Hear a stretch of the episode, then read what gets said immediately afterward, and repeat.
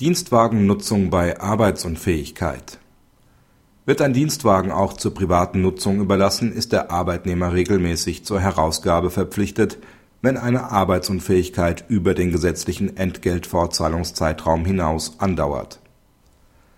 Die Parteien haben im Arbeitsvertrag vereinbart, dass dem Arbeitnehmer ein Dienstwagen zur dienstlichen und auch zur privaten Nutzung zur Verfügung steht. Die Steuern auf den geldwerten Vorteil für die Privatnutzung hat der Arbeitnehmer zu tragen. Der Arbeitnehmer erkrankt dauerhaft. Die gesetzliche Entgeltfortzahlung läuft am 13.04.2008 aus. In der Folgezeit bezieht der Arbeitnehmer Krankengeld. Mit Schreiben vom 7.11.2008 verlangt der Arbeitgeber den zur Verfügung gestellten Dienstwagen zum 13.11.2008 heraus. Dieser Aufforderung kommt der Arbeitnehmer nach. Er verlangt jedoch für die Zeit ab der Herausgabe eine Nutzungsausfallentschädigung vor Gericht das BAG hält die Klage für unbegründet. Ein Anspruch auf Schadensersatz gemäß den § 275 Absatz 1, 280 Absatz 1 und 283 BGB steht dem Arbeitnehmer für die entgangene private Nutzung des überlassenen Fahrzeugs seit der Herausgabe nicht zu. Der Arbeitnehmer hatte kein vertragliches Recht, den Dienstwagen auch in Zeiten der Arbeitsunfähigkeit nach Ablauf des Entgeltfortzahlungszeitraums zu nutzen. Grundsätzlich stellt die Überlassung eines Firmenwagens zur privaten Nutzung einen geldwerten Vorteil und Sachbezug dar. Sie ist steuer und abgabenpflichtiger Teil des geschuldeten Arbeitsentgelts und damit Teil der Arbeitsvergütung. Die Gebrauchsüberlassung ist regelmäßig zusätzlich die Gegenleistung für die geschuldete Arbeitsleistung.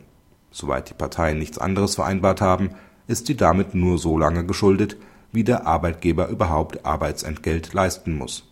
Im Fall der Krankheit erlischt die Überlassungspflicht des Arbeitgebers mithin mit Ablauf der Verpflichtung zur Entgeltfortzahlung.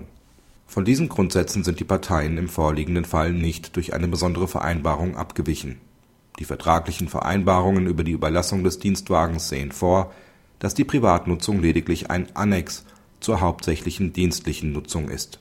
Sie ist damit mittelbar von der Erbringung der Arbeitsleistung abhängig auch aus dem Umstand, dass der Arbeitgeber das Fahrzeug nicht sogleich nach Ablauf der Entgeltfortzahlungspflicht, sondern erst geraume Zeit später zurückgefordert hat, lässt sich kein Recht des Arbeitnehmers auf unbefristete Weitergewährung des Dienstwagens während seiner Erkrankung ableiten. Dem entsprechenden Unterlassen des Arbeitgebers kann nicht der Erklärungswille entnommen werden, er wolle sich rechtsgeschäftlich zur Überlassung des Fahrzeugs auch für die Dauer der entgeltfortzahlungsfreien Zeiten verpflichten. Das Verhalten des Arbeitgebers stellt somit kein Angebot dar die bestehenden vertraglichen Absprachen zu ändern. Schließlich kann dahinstehen, ob der Arbeitgeber gegebenenfalls eine längere Ankündigungsfrist für die Herausgabe hätte einhalten müssen.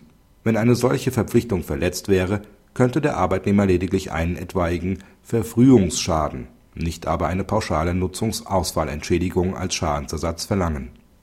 Ausblick Das Urteil bringt schlechte Nachrichten für alle Dienstwagennutzer Danach erlischt das Recht zur privaten Nutzung des Dienstwagens nicht nur bei längerer Krankheit, sondern auch in anderen entgeltfortzahlungsfreien Zeiten, etwa während der Elternzeit.